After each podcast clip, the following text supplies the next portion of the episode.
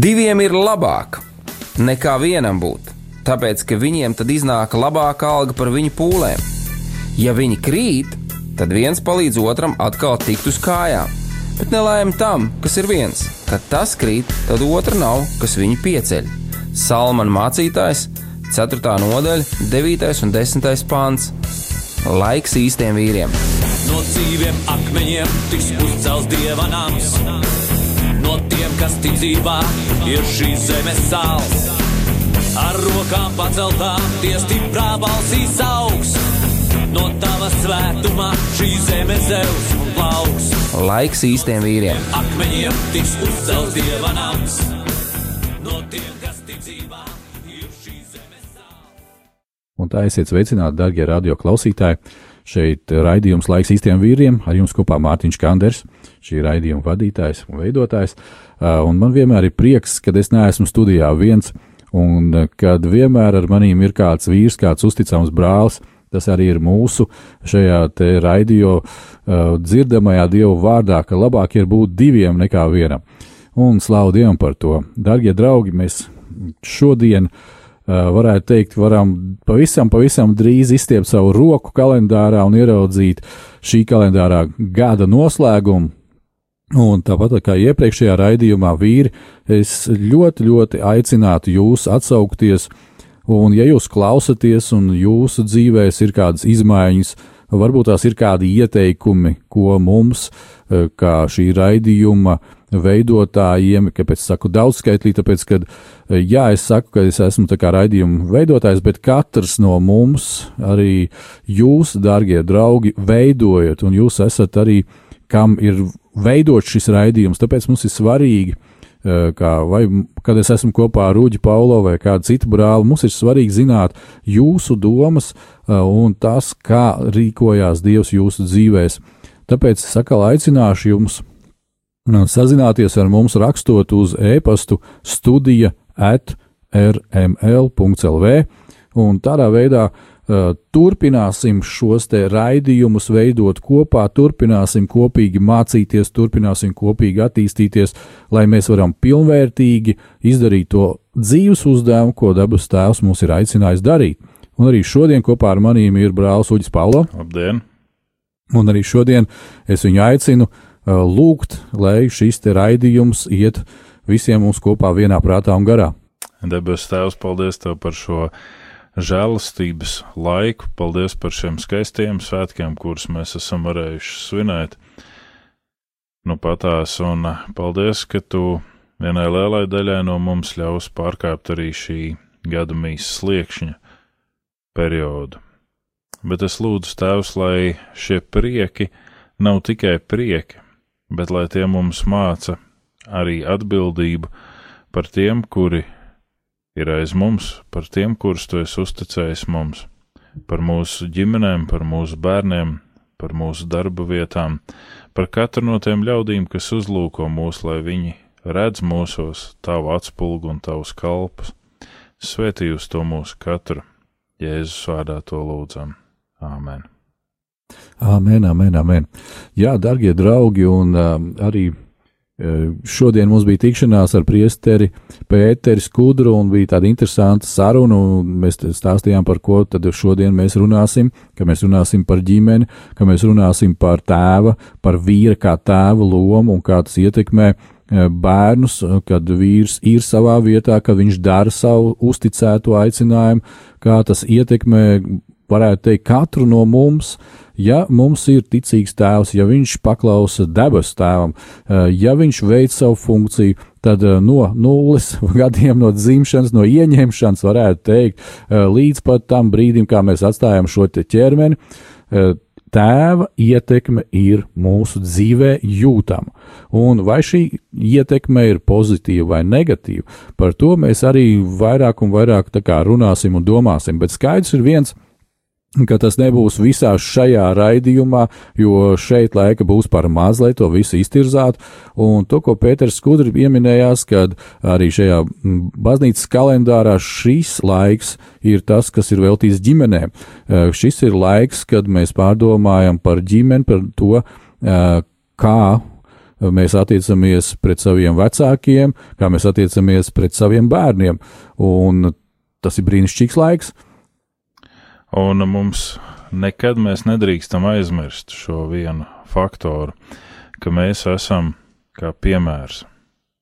Mēs reizēm pārdzīvojam to, ka mums varbūt kaut kas nesanāk, jeb atkal mēs pārdzīvojam to, kāpēc mums ir jābūt visu laiku tādā spriedzē un kāpēc mēs nevaram tā teikt atlaist atspēri un būt mēs paši tieši šī iemesla dēļ, ka mēs esam kā piemērs, un ģimene ir viens ļoti nozīmīgs dievu veidojums šeit virs zemes, kur mēs parādām savu atbildību, kur mēs runājam ar atbildību, par atbildību. Un es nedomāju, ģimene tikai tas veidojums, kur ir divi pieaugušie un uh, bariņš bērnu, bet es domāju, ka līdz ko divi pieaugušie top par vienu veselumu, liecinot Dievu un cilvēku priekšā, ka mēs gribam turpināt ceļu divatā, viņi ir ģimene, un viņi liecina par Dieva mīlestības izpausmi tieši ģimenē, tieši šajā savienībā, tieši šajā vidē. Un mēs esam redzējuši nu patās svēto ģimeni, Mariju, Jāzepu, Jēzus bērniņu, mēs esam svinējuši šos skaistos svētkus, un mēs redzējām arī to, ka ne viss šajā ģimenē bija ļoti atšķirīgs no mūsu ģimenes. Tāpat bija pārpratumi, tāpat bija kaut kādas neskaidrības, Gala rezultātā pēc šī skaistā notikuma, pēc Jēzus piedzimšanas, pēc visas šīs laimes, ģimenē nācās bēgt uz Eģipti un slēpties. Un um, mēs katrs, kā indivīdi un katrs kā ģimene, esam gājuši cauri dažādam laikam, savā ceļā ar Dievu, bet būtiskākais, par ko mēs šodien arī gribam runāt un pie kā mēs gribam apstāties, ir šī laika plānošana ir laiks, kuru mēs ieplānojam, un mēs esam tieši un netieši atkārtojuši visos iepriekšējos raidījumos, bet es atgādināšu šodien vēl, ko nozīmē ieplānot laiku. Tas nozīmē, ka tu visu pārējo uzskati par mazsvarīgāku iepratim tam, kas tev ir ieplānots šajā brīdī. Un ja tas ir laiks, ar tavu otru pusīti, tad tu arī šam, šim cilvēkam parādi, ka viss pārējais ir mazsvarīgāks. Nevar būt situācija, ka tev ir ieplānots randiņš, un tu pēkšņi nolec un saki, o nē, man ir, man ir ļoti nozīmīgas lietas.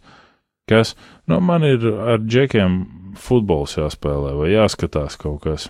Nē, tev ir ieplānots laiks ar tavu bērnu, bērnam ir jāsajūt, ka tētim ir nozīmīgs šis laiks, un ka ne telefoni, ne zvani, ne kaut kādas mistiskas skraidīšanas apkārt nebūs nozīmīgāks par laiku ar bērnu. Un tas ir, tas ir ļoti, ļoti, ļoti būtiski. Jo, dārgie vīri, mums ir jāsaprot viena būtiska lieta. Uh, ja mēs skatāmies Dievu vārdā, ja mēs skatāmies uz to, ko debesu Tēvs saka, un tas ir vienīgais atskaites punkts, uh, ar to pašā, pašā raidījumu, šī te vispārībā eksistēšanā, šī te raidījuma ciklā, laiks īstiem vīriem mēs esam sākuši, un ar to mēs uh, turpināsim un balstīsimies, ka tas ir Dievu vārds.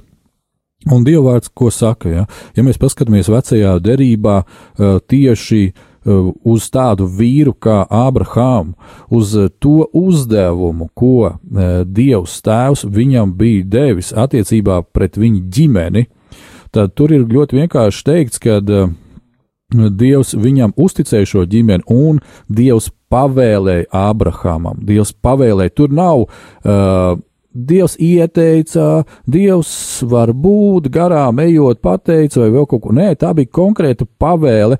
E, kāpēc? Tāpēc, kad tieši šajā pavēles formā Dievs pasaka pašu, pašu labāko.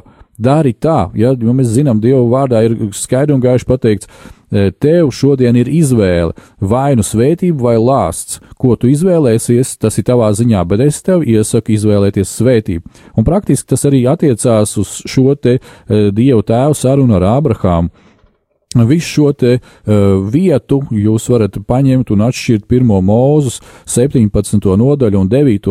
pāntu. Uh, un tālāk, ja tur pirmā mūzus 18, 18 līdz 19, varbūt šodien mēs arī laika tādā ierobežotībā neiesim pilnīgi tam visam cauri, bet kā akcentiem paskatīsimies uz šīm te lietām un paskatīsimies arī uz to, kā mēs kā vīri Eh, reaģējam un rīkojamies, eh, vai mēs to darām pareizi, vai nē, un kādas tam var būt ilgākā periodā sekas uz mūsu bērniem.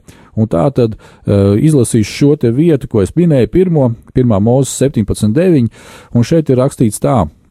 Un Dievs sacīja uz Abrahāmu, bet tu sargā manu derību, tāpat tavai, tavi pēcnācēji un cilšu uz cilšu ciltīm pēc tevis. Tātad atkal un atkal mēs atgriežamies pie derības. Pie derības, kas ir pats svarīgākais mūsu dzīvē, ka mums ir šī derība ar debesu tēvu, un viņam ir šī derība ar mums, un viņš to ir apzīmogojis savā dēlā Jēzu Kristu, kura dzimšanas piemiņas svētks, un burtiski mēs tikko svinējām. Un, lai taptu katra ģimene pareiza, tad uh, viss sākās no šīs derības ar tēvu. Ir šī derība ar tēvu, ir lūkšana. Nevis tikai paļaušanās uz sevi, nevis skats uz uh, pieredzējušiem cilvēkiem. Savā laikā kāds cilvēks salīdzināja mūsu dzīves gājumu ar trīs krēsliem. Un uz pirmā krēsla sēdēja cilvēki, kuriem ir personīgas attiecības ar Dievu, uz otrā krēsla sēdēja cilvēki, uh, kuri ir bijuši kopā ar cilvēkiem, kuriem personīgas attiecības ar Dievu, kuri zina daudz par Dievu, bet viņiem nav personīga attiecība. Un uz trešā krēsla sēdēja cilvēki, kuri neko par Dievu nezina. Un atšķirības starp visiem šiem ir, ja pirmā krēsla iemītnieki jautā tieši Dievam, ko man darīt, kā rīkoties, un tur mēs varam redzēt ķēniņa Dāvida klasisko dzīves gājumu, tad otrā krēsla iemītnieki jautā pirmā krēslā sēdošajiem padomu, nevis dievam patiešo, un tad šie cilvēki, kas atrodas uz pirmā krēsla, prasa dievam, un ķēniņš Salamans ir otrā krēsla iemītnieks.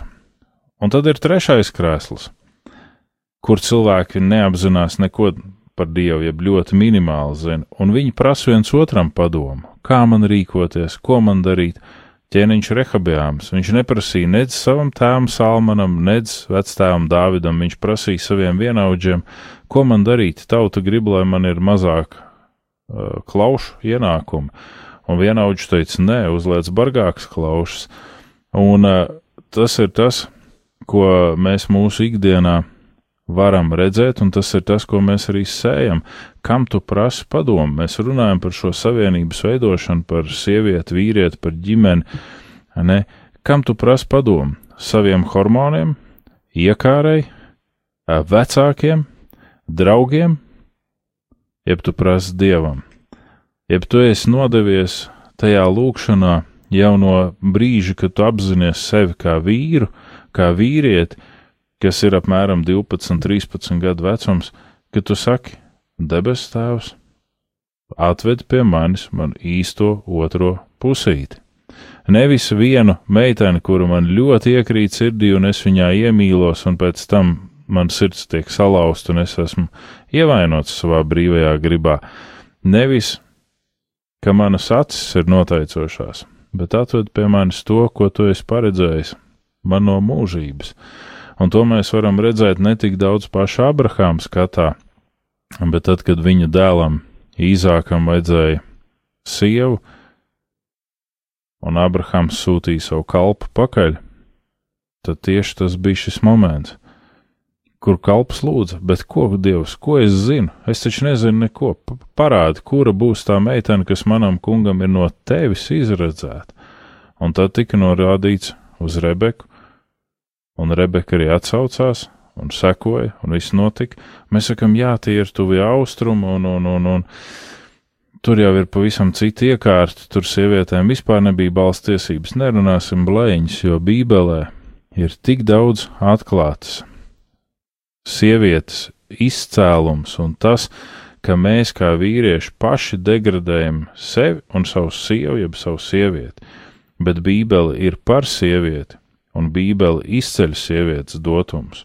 Un veidojās šī savienība, kuras autors un iniciators ir Dievs tieši tāpat kā manis un tevis. Autors un iniciators ir Dievs, un Salamans, šis gudrais ķēniņš, ir sarakstījis kādu no augšupēju ceļu dziesmām, ko dzied svētceļnieki, ejot svētkos uz Dievu templi, esot šajā tempļa atmosfērā tiek dziedāta šī dziesma, un šī dziesma sākās ar: Ja kungs neuzceļ nama, veltīgi pūlās tā celtnieki, ja kungs nesargā pilsētu, veltīgi nomodās sargs, ja dievs neuzceļ ģimeni, ja dievs neveidos svētību starp vīrieti un sievieti, velti mēs pūlamies paši kaut ko izdarīt, kaut ko panākt.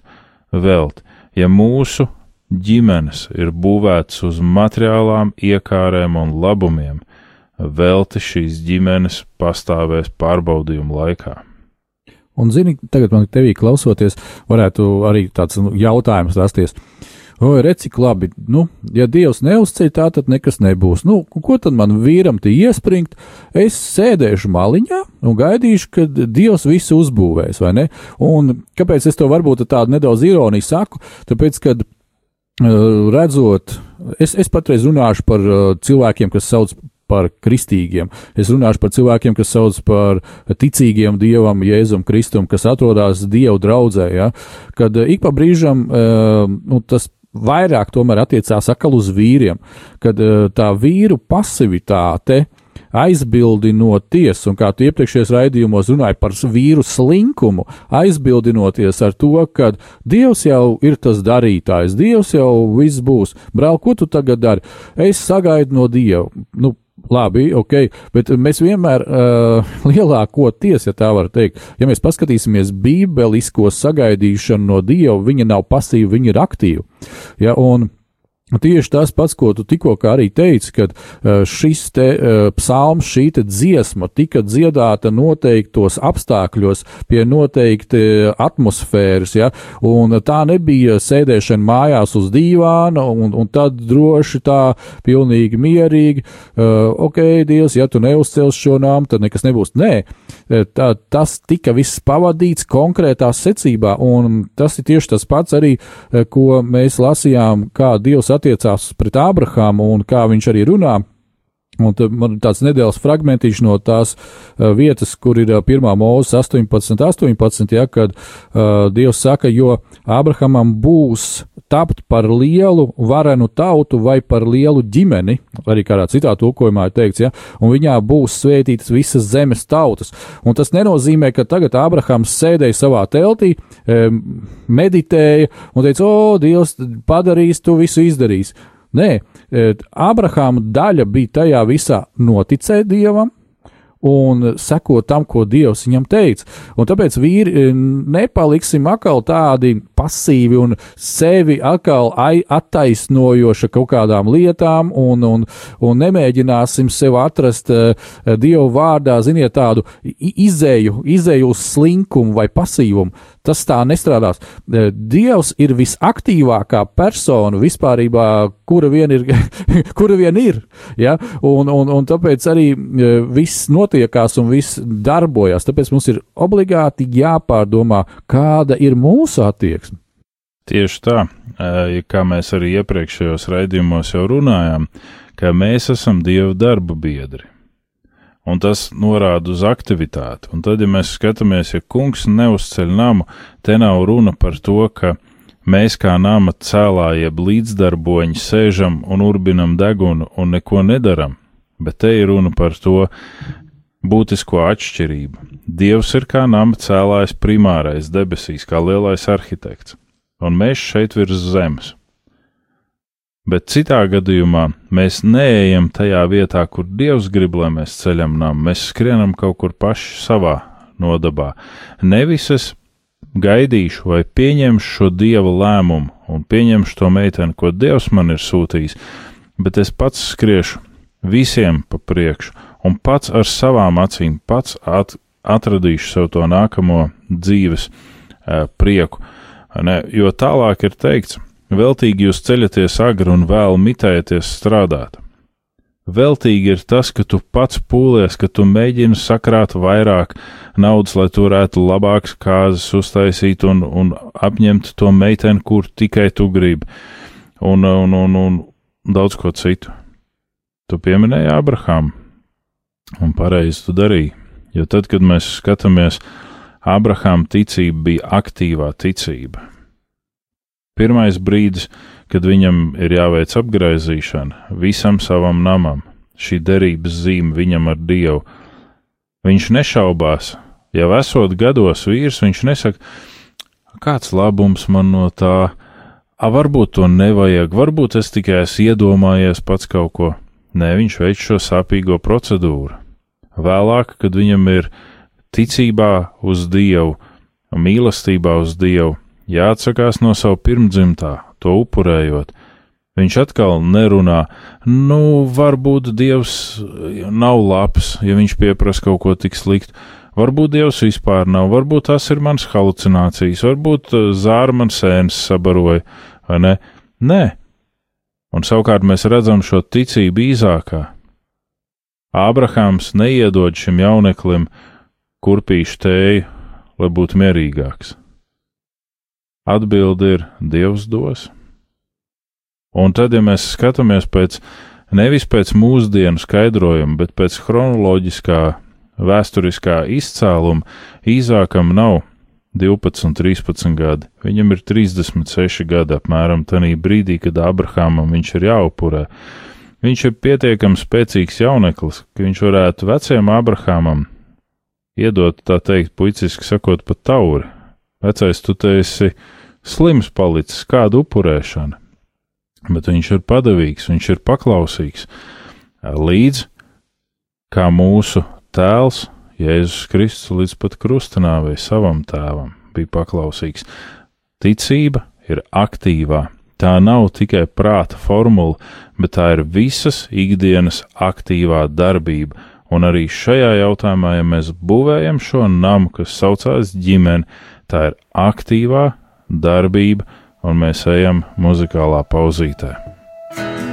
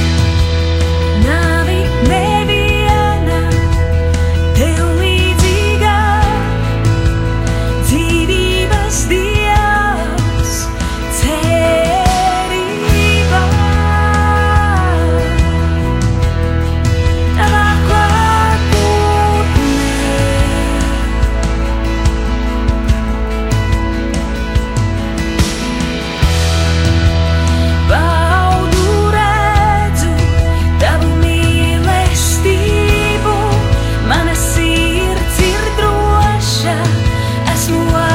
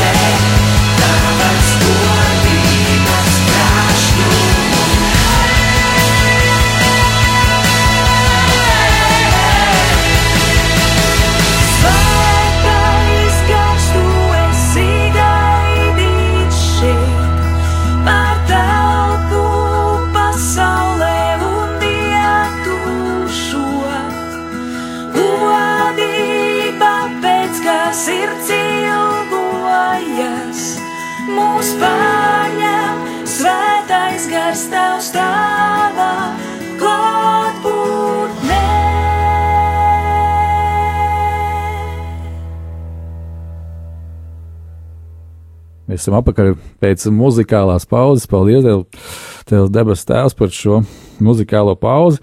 Uh, jā, darbie draugi, uh, Uģis jau iesāka teikt uh, tikko arī par šīm aktīvajām attiecībām, un uh, Ja mēs atkal paņemam par piemēru Abrahāmu un paņemam par piemēru mūsu eh, debesu tēvu attiecības ar Abrahāmu un ieskatāmies eh, šajā raksturvietā, ko es pirmie, pirmīt jau minēju, 1. mūzes 18. nodaļa, un tagad, ja mēs palūkosimies 19. pantā, eh, šeit ir ļoti vienkārši un skaidri parādītas, kādas ir šīs aktīvās attiecības.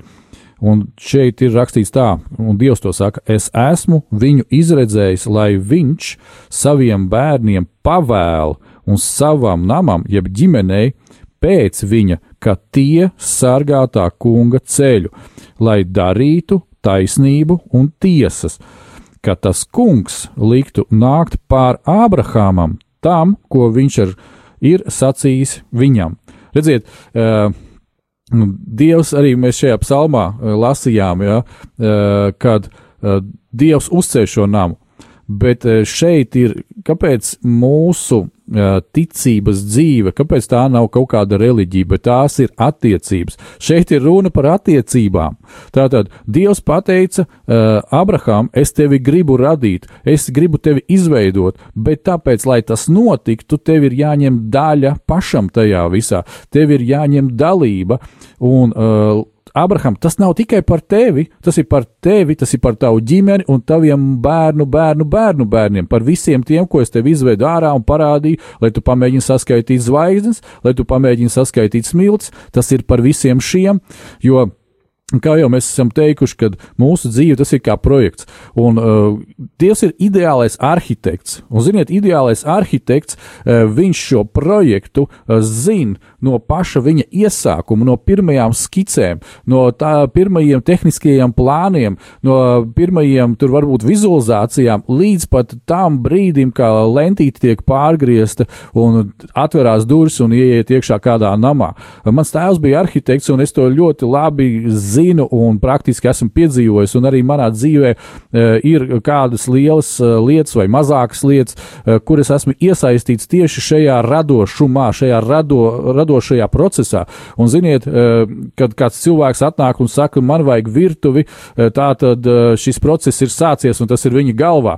Un tad mēs kopīgi ja, vadām šo te, un kāds ir vadītājs visam šim procesam līdz tam brīdim, kā viņš var uzlikt katliņu uz savas plīts un pirmo reizi uzvārīt arī tur zupu. Eh, redziet, tieši tāds vienkāršs, varbūt tās arī praktisks piemērs tas bija, ja, bet tieši tas pats arī notiek mūsu dzīvē. Un debesu tēvs vislabāk to zina, kas un kā. Un Tu ļoti būtiskai tēmai pieskāries par savu uh, ģimenes, jeb savu dzīves drauga izvēli, kā tas notiekās. Un man bija arī ļoti interesanta pieredze šajā visā lietā, kad um, ar manu sievu Zaiku mēs tikāmies, un uh, viņas prātā laikam vēl tas nebija, kad es viņu bildināšu, viņa būs mana sieva, bet uh, mēs uz to soli pa solim virzījāmies, un, tas, kas bija manā sirdī, tā bija lūkšana tēvam Tēvs, tu esi sagatavojis, un es gribu to, kas ir paredzēts no tevis. Es negribu ar savām acīm, es negribu cilvēku ieteikumus, es negribu uh, kaut kādas uh, savas domas vai kaut kādus savus priekšstats. Tēvs, es gribu to, ko tu gribi. Un ziniet, ko Dievs uh, pirmais, kad mēs vienā, es atceros šo te braucienu, mēs braucām uz Pērnavu. Un pa ceļam uh, tur ir tāda interesanta vieta, uh, kur var apstāties, un, un, un tā ir tā kā viesnīca un kafejnīca, un tur var iestiprināties ezera krastā, viss tā ļoti romantiski. Un es atceros, vienkārši teicu, klausies, zēga, aiziesim, paēdīsim kaut ko vakariņās, ok? Un tā mēs aizgājām, apsēdāmies paēst, un pie šī te galda, es atceros kā tagad, uh, šo te galdu, šo te vietu, Un to, ko Dievs garā man pateica, viņš teica, es gribu, lai tu investē savu dzīvi šajā cilvēkā. Un redziet, te ir tā milzīgā starpība, kad vai es gribu, lai šis cilvēks apkalpo mani visās manās vēlmēs, garīgās, miesīgās un tā tālāk, vai man ir jāinvestē mana dzīve šajā cilvēkā. Un es teicu, Dievs, jā, es to pieņemu, un, bet kā man to izdarīt? Ja? Un, tas ir atkal nākošais solis, kāpēc eh, arī te, šī te rakstu vieta, ko Dievs runā ar Ābraham. Šeit viņš runā, lai mēs kā tēvi, lai mūsu, redzi, mūsu attiecībām ar tēvam ir jābūt visu pirms, pirms mēs veidojam ģimeni. Nu, citādāk ir, ir tā katastrofa, ko mēs vērojam sev riņķī apkārt. Uh, saveido kaut ko līdzīgu ģimenēm, un tad sākās tur problēmas un šķiršanās un vēl kaut kas. Ja? Bet, bet tas pamats ir mūsu attiecības ar tēvu. Un tad debes tēvs saka, es gribu, lai tu un tavi bērni un pēcnācējs sargā šo ceļu, lai viņi ievēro. Un tā ir atkal, tas nav Dievs neteica, lai sargā, es nezinu, kaut kādu vienu vietu, bet sargā ceļu. Un tas nozīmē, ka tā ir kustība, ka tās ir attiecības kustībā, nepārtraukta saziņa ar tēvu un ar mūsu tuvāko. Sargāt ceļu ir tas, ko mēs reizēm nevaram manīt Latvijā, uzturēt šo ceļu braucamā kārtībā, vispirms izveidot to ceļu, pēc tam atstāt šo ceļu tādu, ka tur krūmi nav uzauguši virsū, koki sakrituši, lai tie, kas nāk pēc mums, lai arī viņi varētu izmantot šo ceļu. Un sargāt tas nozīmē iesaistīties procesā, kur sardzes maiņas tiek sadalītas pa zināmiem laikiem, pa zināmiem periodiem, kas nav pasivitāte, ka sargs aiziet gulēt, un kas ar ceļu notiek, nu, kaut kas, uh, Te ir runa par mūsu garīgo aktivitāti, par mūsu modrību, ikdienišķi.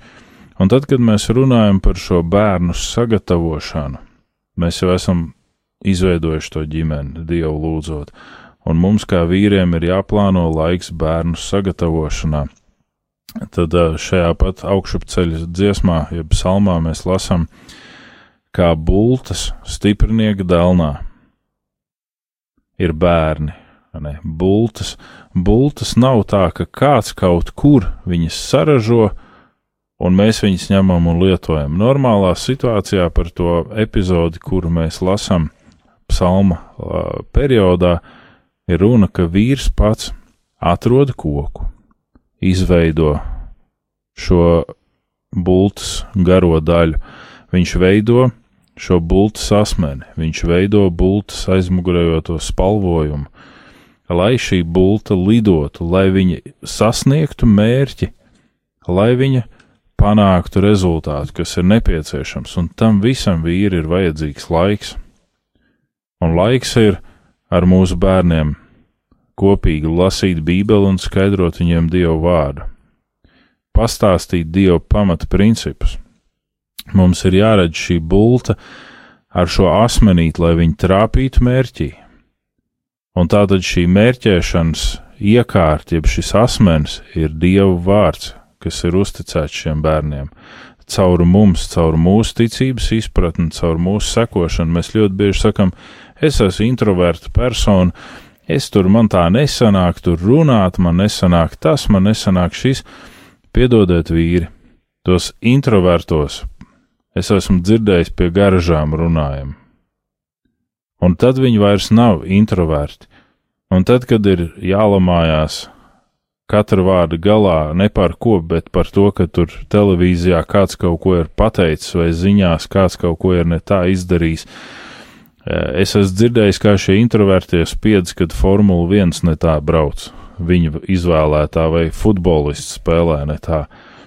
Ne? Bet tad, kad ir jārunā die, par dievu, ar bērnu, tad mēs esam introverti.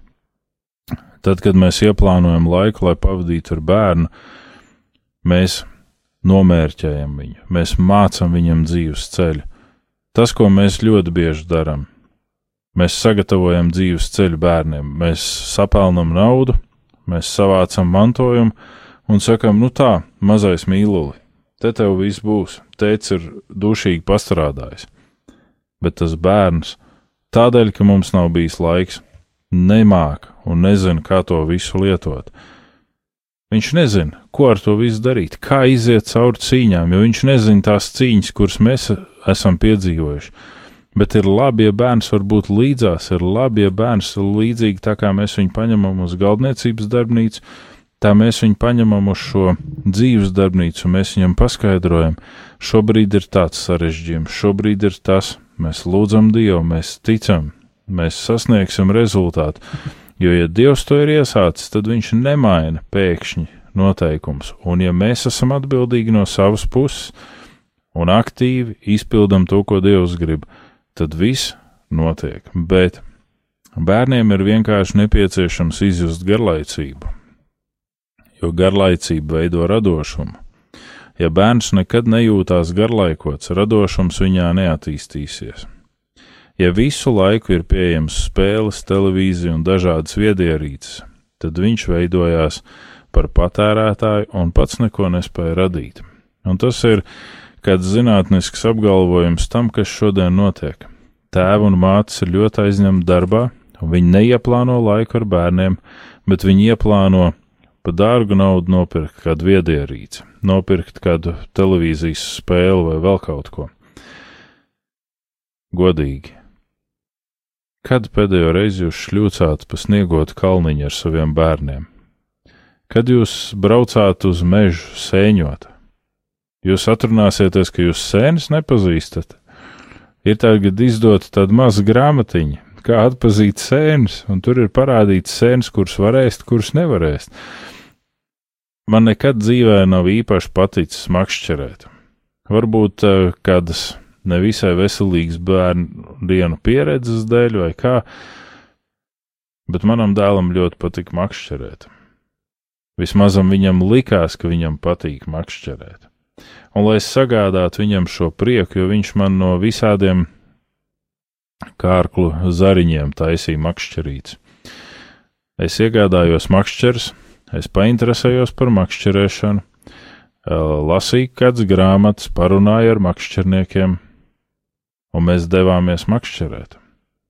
Un mums ir vairākas pieredzes tieši ar šo makšķerēšanu, kur arī viņš ir jautājis, ko mēs darīsim ar šīm zivīm. Es saku, nu kāda ir jēga mums tās zivis ņemt, nu, ja vajadzēs nopirks. Tas prieks ir kopā būt, tas prieks ir izmest to makšķeru, tas prieks ir noķert to zivtiņu. Ja, un tās zīltiņas mēs esam parasti palaiduši atpakaļ. Un tas ir bijis pieredzes bagāts moments priekš mums abiem. Tā ir bijusi vēl viena iespēja mācīt šo ceļu, sargāt šo ceļu, palīdzēt šim bērnam augt. Tieši tāpatās mums ir pieredzes bijušas ar meitām. Ja viena ir vairāk nosliecis uz māksliniecisko pusi, mēs esam ar viņu darbojušies šajā jomā un daudz ko mēģinājuši attīstīt un attīstīt radoši pieiet, gan gleznot, gan dziedāt, gan viņai ļoti patika dejot kādreiz un dziedāt. Otrai meitai savukārt ir noslēdz uz tehniskām lietām, un uh, es viņu nekad neesmu abstrahējis no tā. Precīzāk sakot, ja es esmu kādreiz būvējis kādu datoru, viņa ir sēdējusi blakus, ja es esmu cīnījies ar mašīnu, viņa ir bijusi blakus, vai arī uh, remontus taisījuši esam kopā. Uh, Es esmu ļāvis bērniem būt ar sevi kopā. Bet ko tas prasa no manis? Tas prasa man dzīvot vienu dzīvi, nevis dubultu, jo parasti mēs mēģinam noslēpt savu otro dzīvi, tad, kad neviens no mūsējiem mūs neredz un nepazīst. Tāds kāds tu esi visur, tu esi tieši tāds.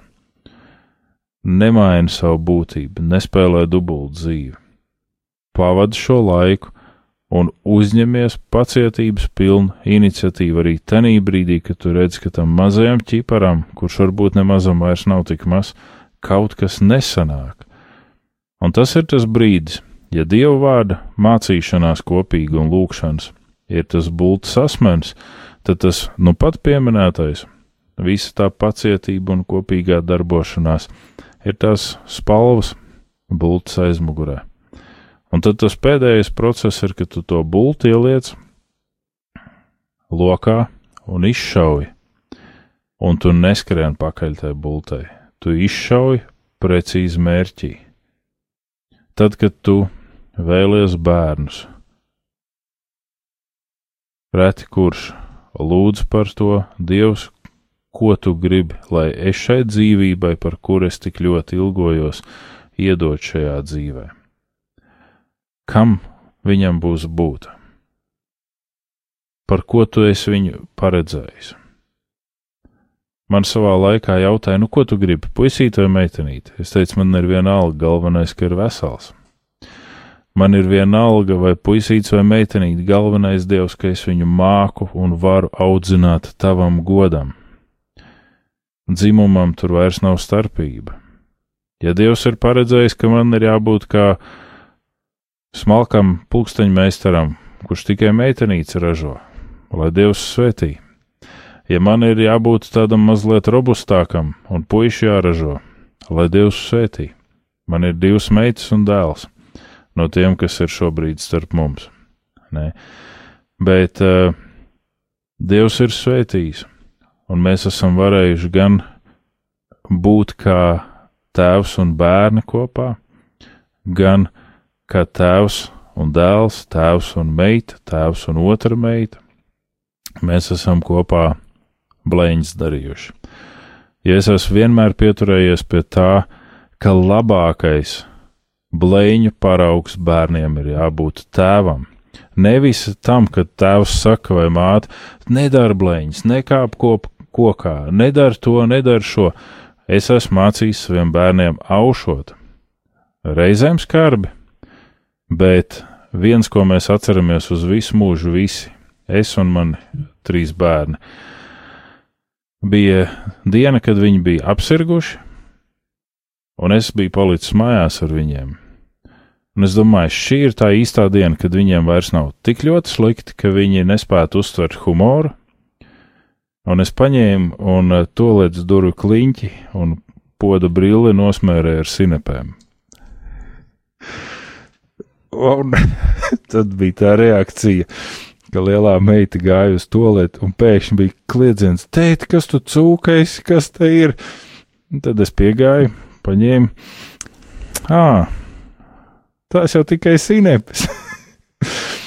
Smējāmies, un vēl līdz šai dienai mēs to visu atceramies. Uh, var teikt, kāds vai, fuj, kā tētim tā nepiestāv. Ja jūs viņiem nemācīsiet visu, ko jūs varat iemācīt, viņiem to iemācīs tie, par kuriem jums nav labs priekšstats. Un tādēļ mēs esam ne jau kaut kādas šausmīgas, uh, vardarbīgas blēņas, bet tādus niekus, tādas aušības, tādas ģimeniskas, ikdienišķas. Mēs pārvēršam katru dienu par spēli, kurā ir savi noteikumi, kura nav samākslota un kura ietilpst laika rāmjos. Un, zini, klausoties visās to, ko tu stāstīji, tikko, ka uh, patiešām daudz, daudz lietas likās smieklīgas. Paldies, tev, ka tu padalījies ar savu sirdi par šo tēmu. Un tajā pašā laikā, um, teiksim, atceroties arī, ja mēs runājam par tādām nu, ģimeniskām, tuvām lietām, um, tas, kas ir manā atmiņā visspilgtākais no maniem piedzīvojumiem ar tēvu, tieši, tieši tās, te, tas, kā tu arī minēji, šī makšķerēšana, man, man īstenībā viņa ir palika pa, ļoti patikusi no mazām dienām, uh, varbūt tieši tāpēc, ka tēvs man šī attiecības ar viņu, viņš pamāca, tur dari tā, tā nedari, tā tu redzēsi tās lietas, un tieši šī viņa nedalītā uzmanība, tas, ka tas ir man veltīts. Ja, mēs, mēs tēvam esam divi, divi, divi dēli, es esmu vecākais, un man ir vēl trīs gadu jaunāks brālis, vienmēr mēs praktiski visās šajās lietās bijām kopā. Tātad, ja mēs kaut kur devāmies, tad mēs trietā devāmies, un tēvs eh, katram pamācīja, un katram kaut ko to vai citādāk, eh, nu, teica, kā to visu darīt. Un tajā pašā laikā, klausoties arī šo līdzību par šīm te bultām, man patīk ļoti, un es arī savai sievai esmu to parādījis. Viņai arī tas ir iepaticies, tik tiešām šī klasiskā loka šaušana un uh, būtu šaušana, ja, un kad ir iespēja, mēs dodamies uh, zaļā dabā pie kāda drauga, kur ir kaut kāda specifiska trasa izveidota, un ka mēs to visu darām.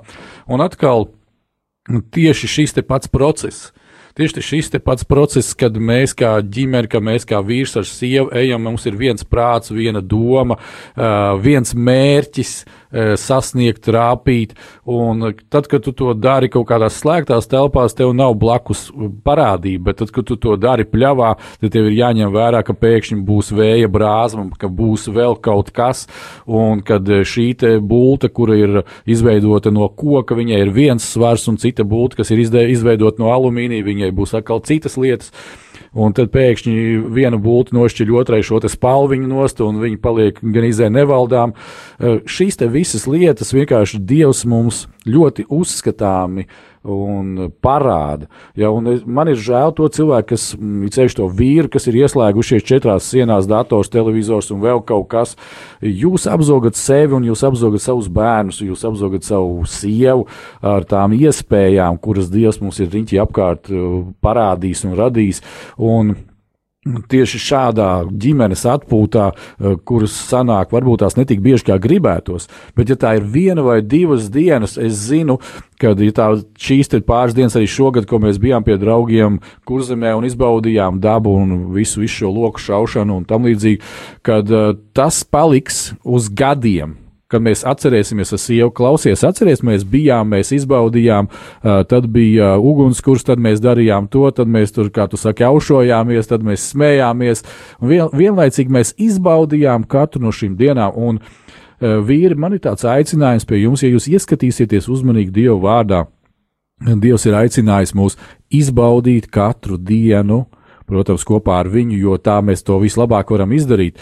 Un Es aicināšu, lai mēs tik tiešām to darītu. Arī šajā pēdējā šī gada raidījumā eh, vīri pārdomās visas tās lietas, ko mēs esam pa šo te gadu darījuši.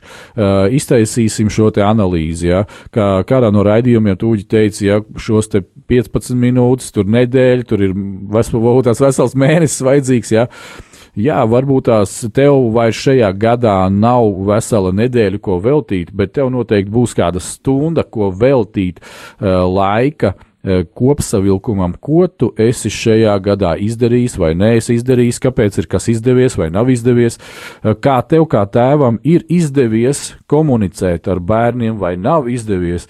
Tātad uztaisi Dārgais vīri, šo te kopsavilkumu uztaisi, analīzi tam visam un uzliec plānu nākošajam gadam ar dievu gādību, dievu spēkā.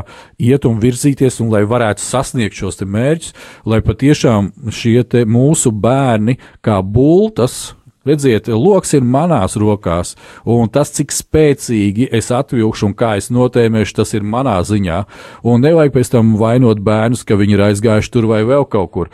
Jā, tas sāna vējš bija, bet es tāpēc varēju atvilkt stingrāk šo uh, šņori vai stiegru un vajadzīgajā virzienā atlaist un notēmēt, un mērķī būtu trāpījums. Tāpēc, dārgie draugi, arī nākošajos raidījumos tieši par uh, laika plānošanu uh, un par mūsu kā vīru mm, attiecībām un uzdevumu ģimenē, mēs pieskarsimies ļoti interesantai tēmai. Eh, redziet, eh, mūsu dzīves, kā mēs zinām, eh, veido Dievs, jā, bet mūsu dzīves arī veido cilvēki, kas ir apkārt.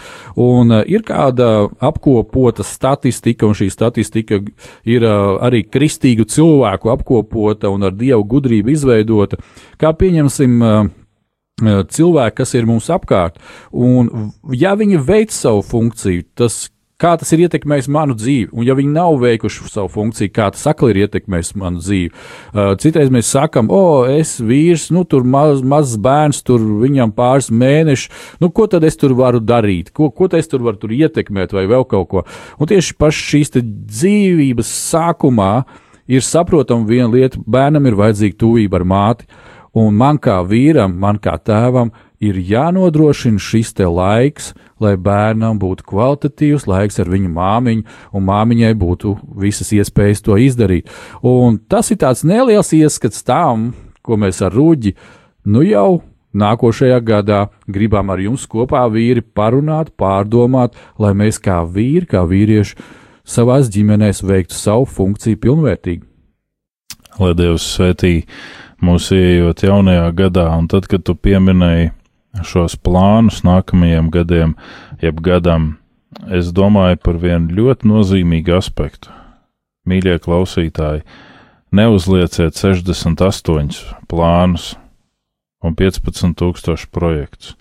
Uzlieciet vienu līdz trīs lielos vilcienus, ko jūs gribēsiet izdarīt, lielos otras triepienus nākamajā gadā, lai ir vieglāk piekoriģēt. Piemēram, uzlieciet laiku, kur jūs gribat un kad ar saviem bērniem pavadīt laiku, vai ar savu ģimeni pavadīt laiku, ko jūs gribat izdarīt, lai šiem bērniem būtu šis laiks ar jums. Esiet realisti, un lai Dievs svētī, un mēs ar patiesu prieku varam ieiet mūsu kunga žēlastības 2019. Jā, darbie draugi, šis raidījums arī izskanējis, un gads tulītās arī izskanējis. Mēs atvadāmies ar uģi no jums, bet mēs novēlam patiešām vīri. Esam kā vīri, esam īstajā laikā un īstajā vietā, un darām to, ko tas kungs mums ir pavēlējis. Āmen! Āmen! Ja tu esi īsts vīrs, jeb gribi kļūt par tādu, Klausies rādījumu laiks īstiem vīriem katru otro ceturtdienu, pulkstenis 16.00. Lai Dievs to svētī! No dzīviem akmeņiem tiks uzcelts dieva nams, no tiem, kas ticībā ir šīs zemes sāls.